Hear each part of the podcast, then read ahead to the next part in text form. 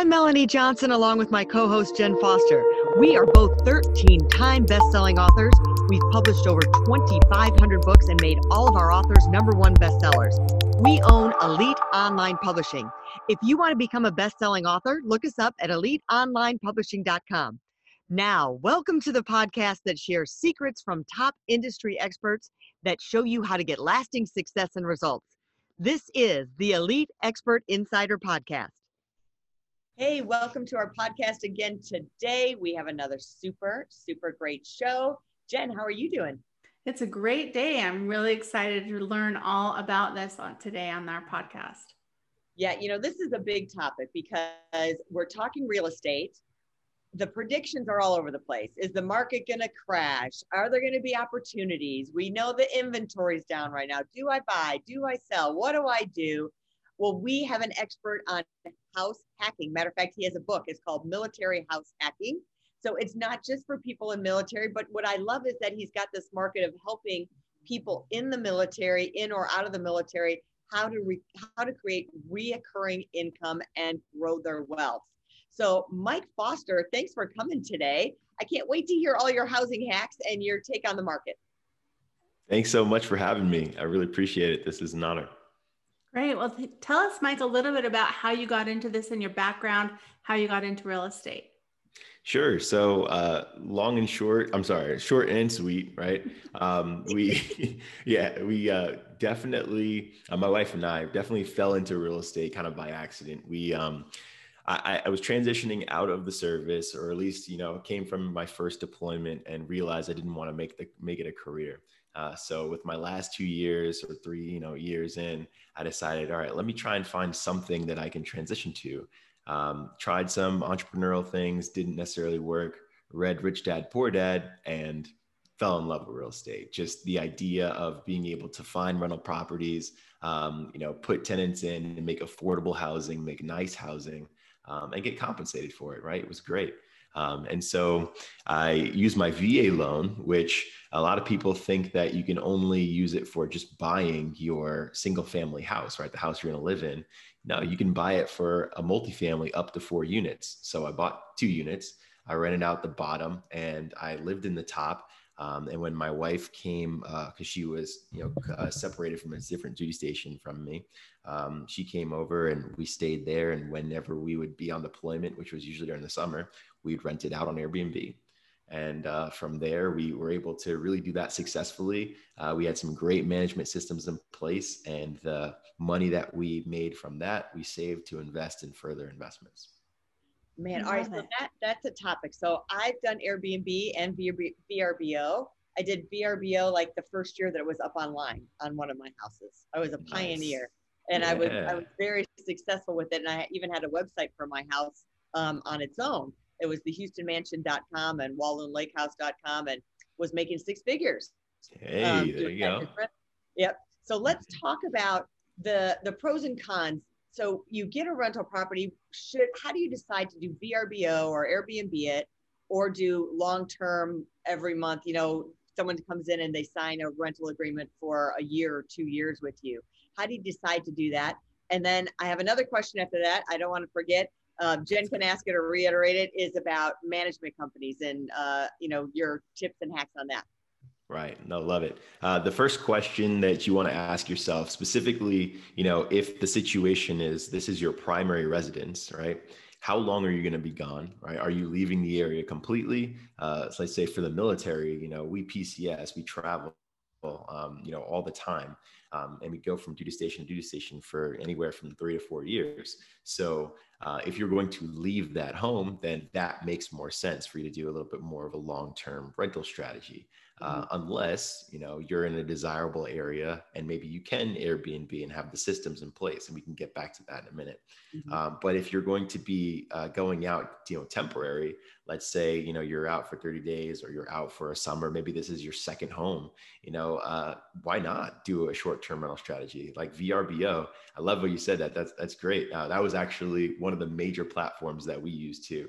And when you say Airbnb, it's kind of like that overall short-term rental strategy, and there are a few thrown in there. But what I loved about VRBO is that they were the original Airbnb. They've been around for like a, a decade at least before Yeah. Airbnb came out, and um, and you definitely find a lot um, more higher paying and you know um, I think better quality right tenants you know on, on sites like that.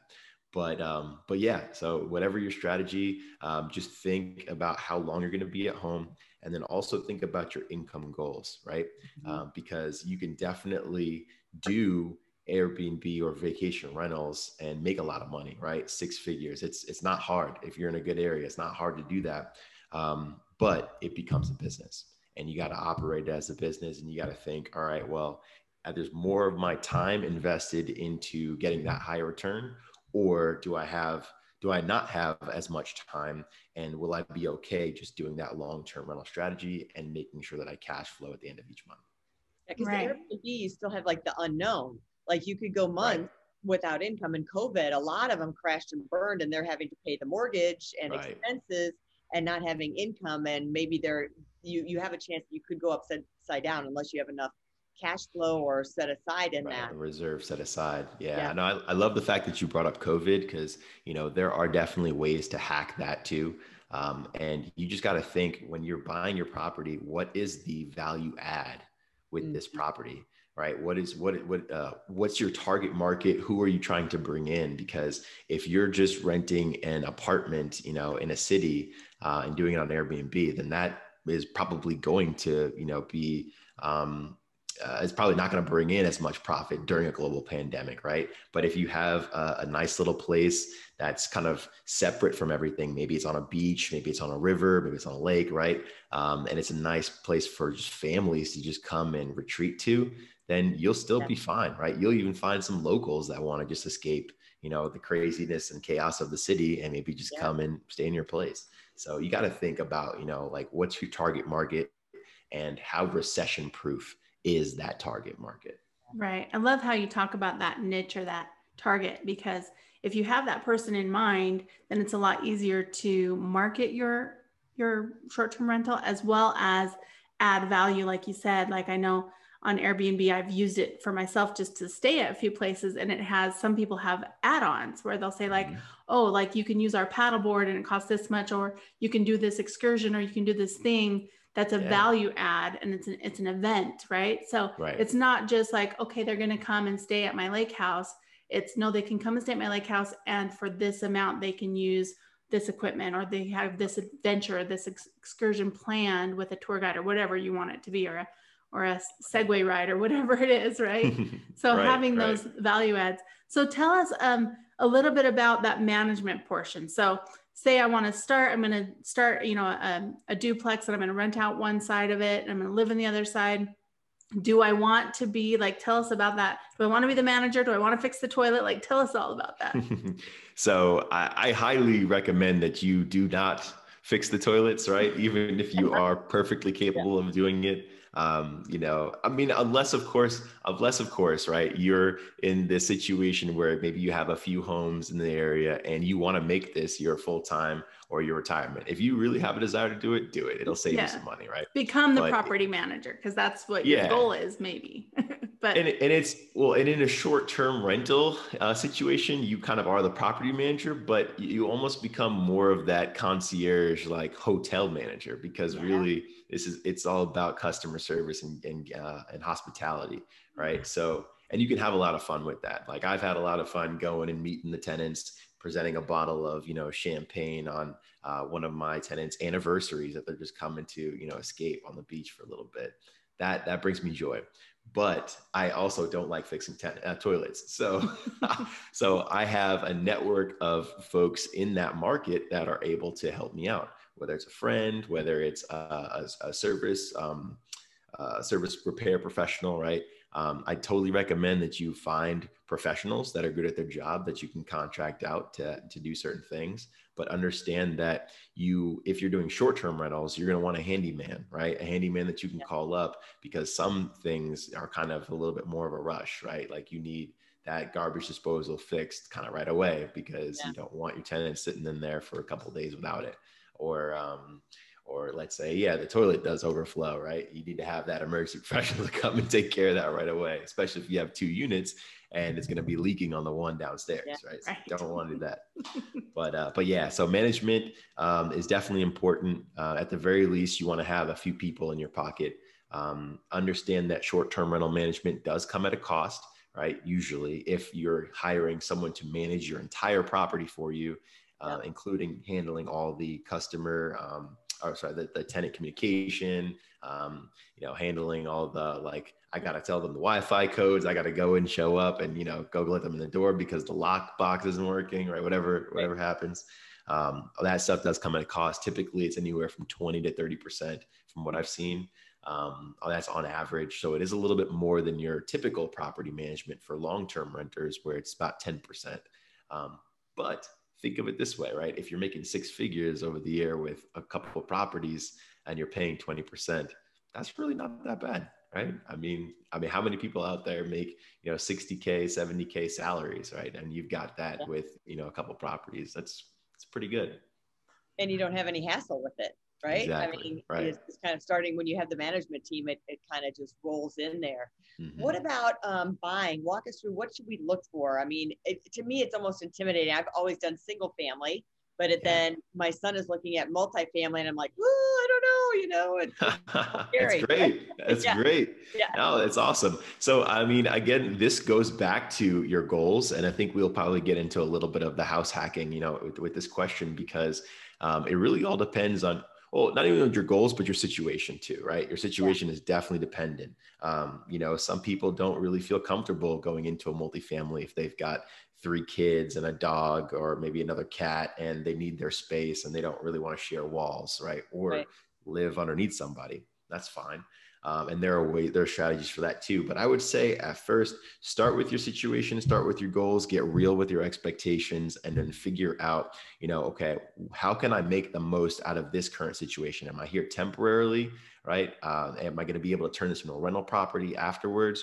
Or is this going to be a place where I'm kind of looking to plant some roots? I'm not sure if this area is for me, but maybe I can go somewhere else. All right, cool. So if it's temporary and this is a stepping stone for you, I highly, highly encourage you to consider multifamily if you can do it, right? Maybe two, maybe two units, maybe three units, maybe four, right? And and uh, even if you're a civilian, you don't have to be military.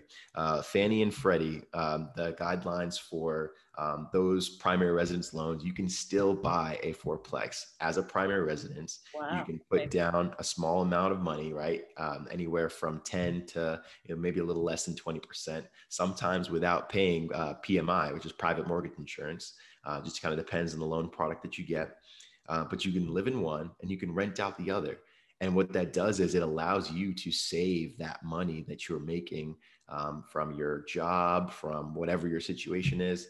Um, and you can use that to invest later on, or you can use that to, you know, I don't know, live your like comfortable lifestyle. Because some people really don't want to buy, you know, properties for days. Maybe they'll just be comfortable with their one fourplex, and that's cool. Um, so yeah, so that is one way to house hack.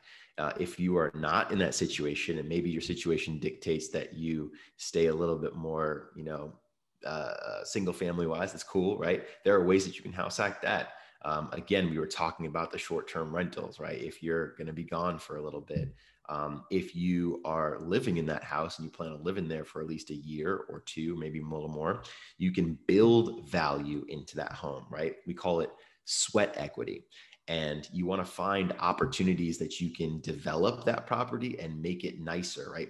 Let it come up in the community. Um, you know, just to go into a little bit of real estate jargon, there are four classes of properties that we typically uh, classify A, B, C, and D. Your A class properties are the really nice ones on the golf course and the lakes. B classes are nicer properties, but they don't cost as much. Maybe they're in a nice community in a school your C class is maybe in a decent area. You know, they're they're low cost living, but there's no there's not a lot of crime, right? It's still safe.